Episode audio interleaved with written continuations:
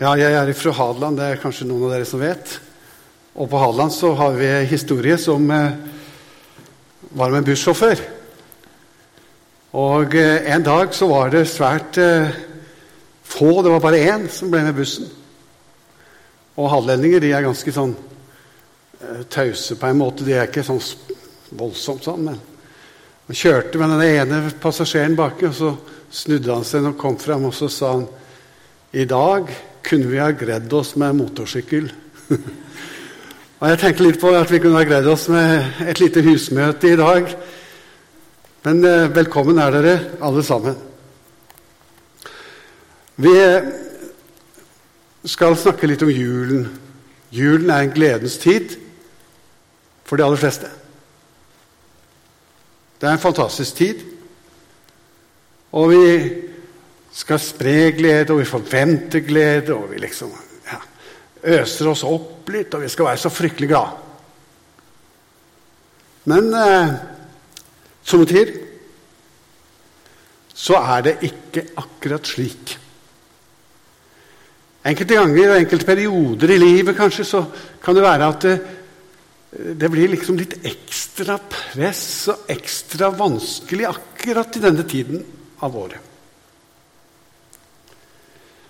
Jeg har samtidig kjent litt på det.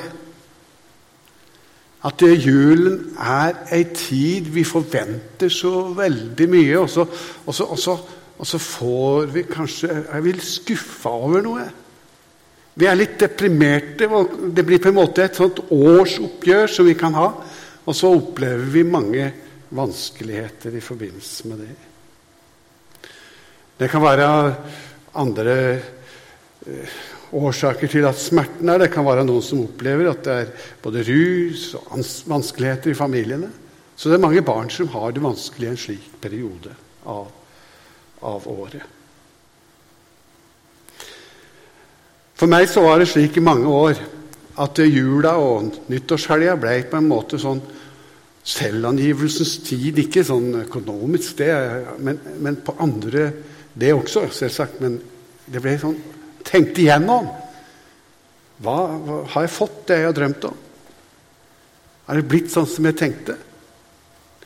Og i, i de første årene av vårt ekteskap de 13 første årene så var det alltid en tom tid. Jeg trodde det at med en gang jeg ble gift, ni måneder etterpå, så skulle jeg være far. Det var jeg helt sikker på. Jeg trodde det var så enkelt. Jeg var 21 år og når vi gifta oss. Så gikk det ett år. Gikk det to år. Og så begynte jeg å tenke får vi kanskje ikke barn? Og det var helt forferdelig. Og jeg fikk mer og mer panikk og kona mi. Og, vi, og så tenkte jeg at neste jul Da skjer det. Neste jul Og så videre. Og sånn gikk det i 13 år. 13 år, Jeg ble mer og mer Og så plutselig da, så skjedde det. Og da skjedde det tre stykker på, på tre år. Og da ble det jo aldeles himmel på jord. Sånn ble det for meg, da. Men bare sånne ting. Kanskje du går og tenker kanskje du ikke eh, har, altså du tenker at kanskje til neste år så er vi to. Kanskje det er det du tenker. Og så ble det ikke dette året heller. Og, så går det ett år til. Og så går det fortsatt og så, videre. Det kan være mange sånne ting som gjør at en rett og slett, når en gjør opp en måte årsselvangivelsen for seg selv så er det noen sånne smerter i bånn. Noen sånne ting som tynger litt. Noen som er vonde å takle. Det er slik for veldig, veldig mange.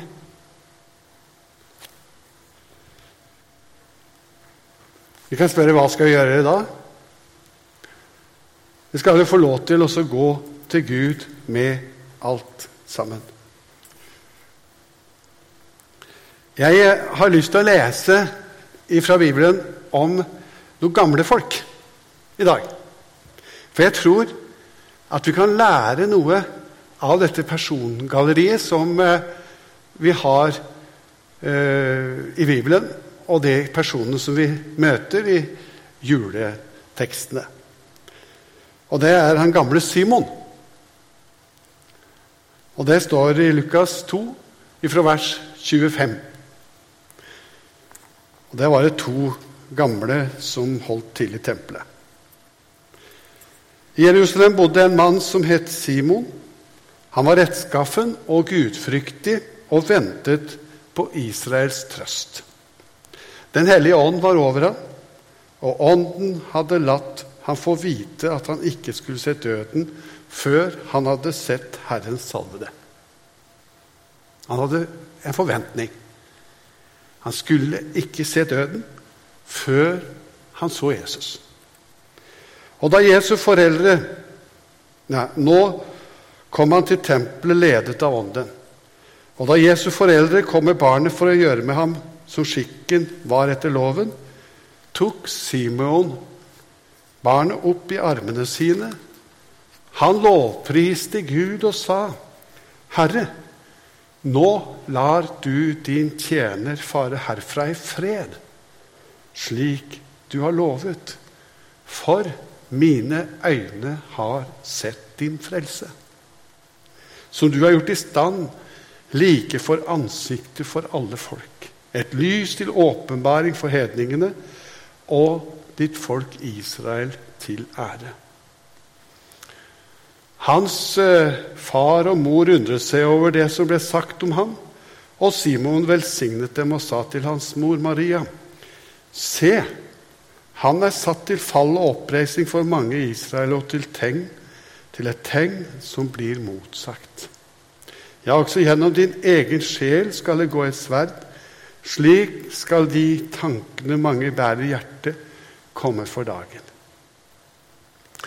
Det var en kvinne der som var profet.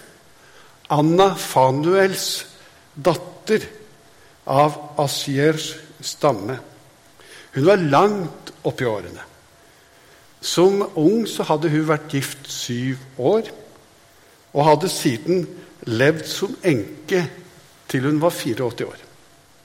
Hun forlot aldri tempelet, men tjente Gud i faste og bønn natt og dag. I samme stund kom også hun fram og lovpriste Gud. Og hun fortalte om barnet til alle som ventet på frihet for Jerusalem.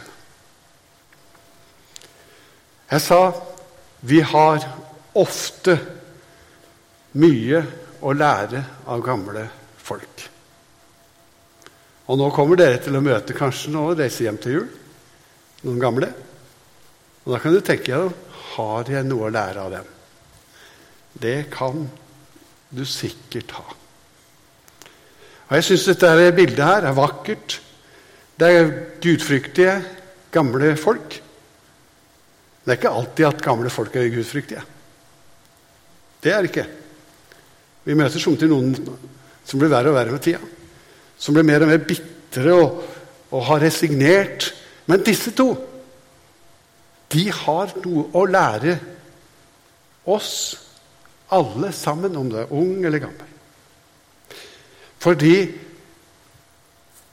rettet på en måte hendene fremover imot barnet. Jeg vet ikke om du har tenkt på hvordan det er å bli gammel. Det har det ikke dere som er så unge. Men jeg begynner å tenke på det. Jeg begynner å bli på åra.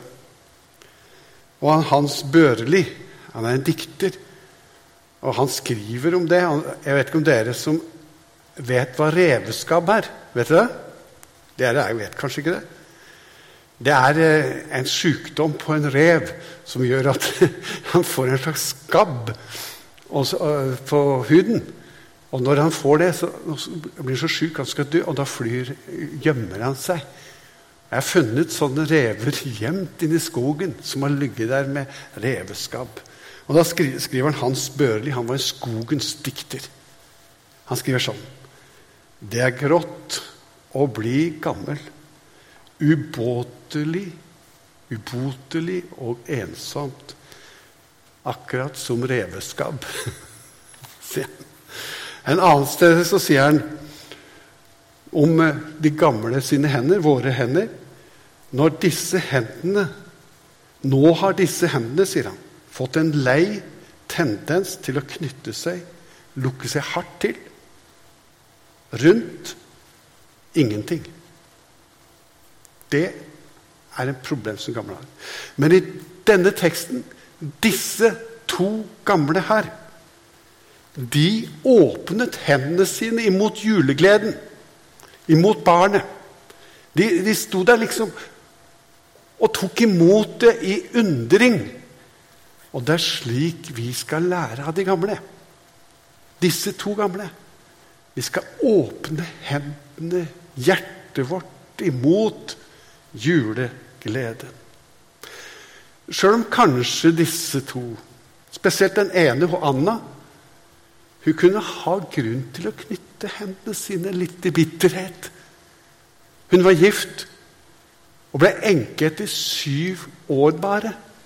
Ganske ung ble hun enke. Og så, og så, og så, da kunne hun ha trukket seg inn i seg selv, inn i smerten, med bitterheten som årsak til det. Men hun gjorde ikke det. Hun gikk inn i tempelet og lovpriste Gud dag og natt. Et eksempel. Du kan også møte i det året, ha møtt i det året som har gått, ting som smerter deg litt. Ting som gjør deg engstelig. Ting som, som på en måte gjør at du kan knytte deg litt inn i deg selv. I dag skal du ta denne gamle kvinnen som et forbilde. Og skal du åpne deg opp og, mot barnet mot det som er julens innhold. Du skal slippe den gleden inn i ditt hjerte, og så skal du begynne å lovprise Han som ble menneske, som kom og ble din bror, for å frelse deg, for å gi deg håp og evig fred. Disse to gamle de så ikke bare bakover på alt som hadde vært i livet av utfordringer og smerter, og sånt, men de så fremover. De ventet på Israels trøst. De ventet på Jesus. Og når de så fremover, så begynte de å lovsynge Gud. De begynte å lovsynge ham. Og Jesus, han er kommet. Og han bærer frelsernavnet. Han er frelseren. Han er Herrens salvede. Han er Messias. Han er den som jødefolket hadde ventet på i hundrevis av år. Nå har han kommet. Og gamle Simon gleder seg. Og jeg tror det er slik at Jesu nærvær Hvis han får komme deg nær i jula Hvis han får komme og fortelle deg den nakne sannhet om seg selv så vil lovsangen begynne å komme fra hjertet ditt, stige opp, og du vil få sann juleglede.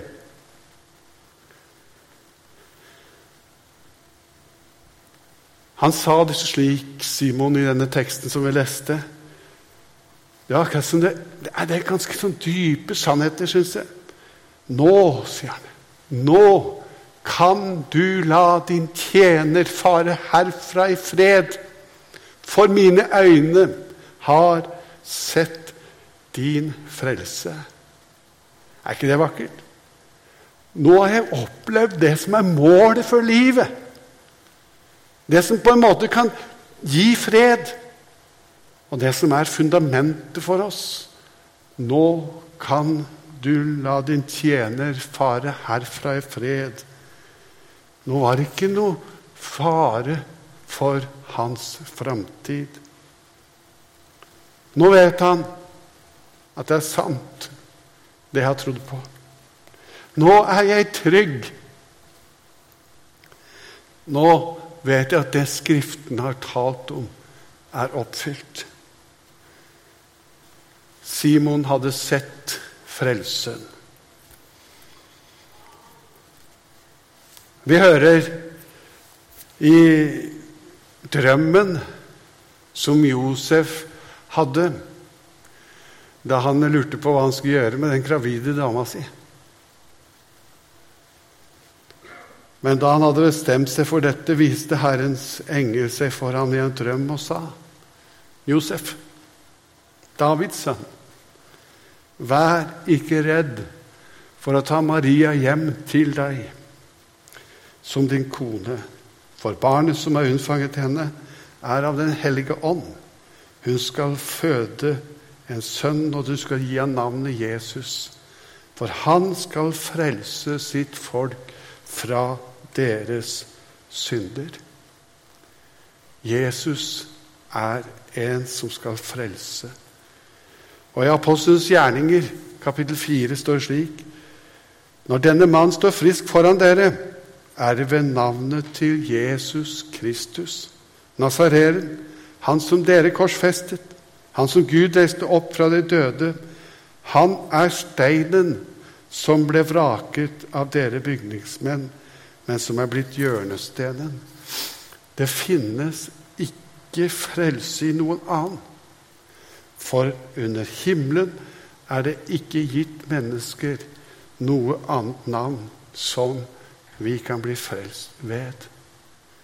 Det finnes kun ett frelsernavn, og det er Jesus.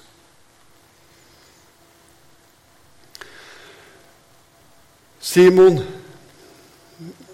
og for, både for Simon og for Anna og for hele Israels folk, for alle folk til jordens ender, så ble han en frelser. Det eneste navnet som kunne bringe frelse, det er Jesus. Og når du og jeg har lært å kjenne dette navnet og fått erfare hvem han er, så har vi også et forvalteransvar i forhold til den kunnskapen. Slik at flere kan oppleve den fred som Simon opplevde. En ting til som jeg syns eh, er eh, viktig når det gjelder denne teksten som vi har lest sammen, det er dette at Ånden ledet han til tempelet, står det. Ånden ledet Simon til tempelet, der hvor Jesus var. Jeg tror at det er ikke feil å si om oss også at hvis du skal leve sammen med Jesus, så vil Ånden at du skal høre til og knytte deg til forsamlingen. Til de andre troende. Det er vår respons på at vi har fått se Jesus, at vi fører også hverandre, eller møte hverandre inn i dette. Ja, Det var altså to, to andre i denne teksten som jeg har lest. To, to kvinner, en ung og en, eh, en eldre som jeg har tenkt litt på. Og der er det Jesus han forener unge og eldre på en fantastisk måte. Nå var det Maria som er en av disse unge. Josef var jo også en av disse unge. Maria var kanskje bare 15-16 år, kanskje ikke mer enn 14 år, da hun ble gravid. Hun hadde gjemt ordet fra engelen i sitt hjerte. Det er en fantastisk flott tanke. Slik er hun et eksempel også hva vi skal gjøre. Vi skal gjemme Guds ord i våre hjerter. Det er klart at hun må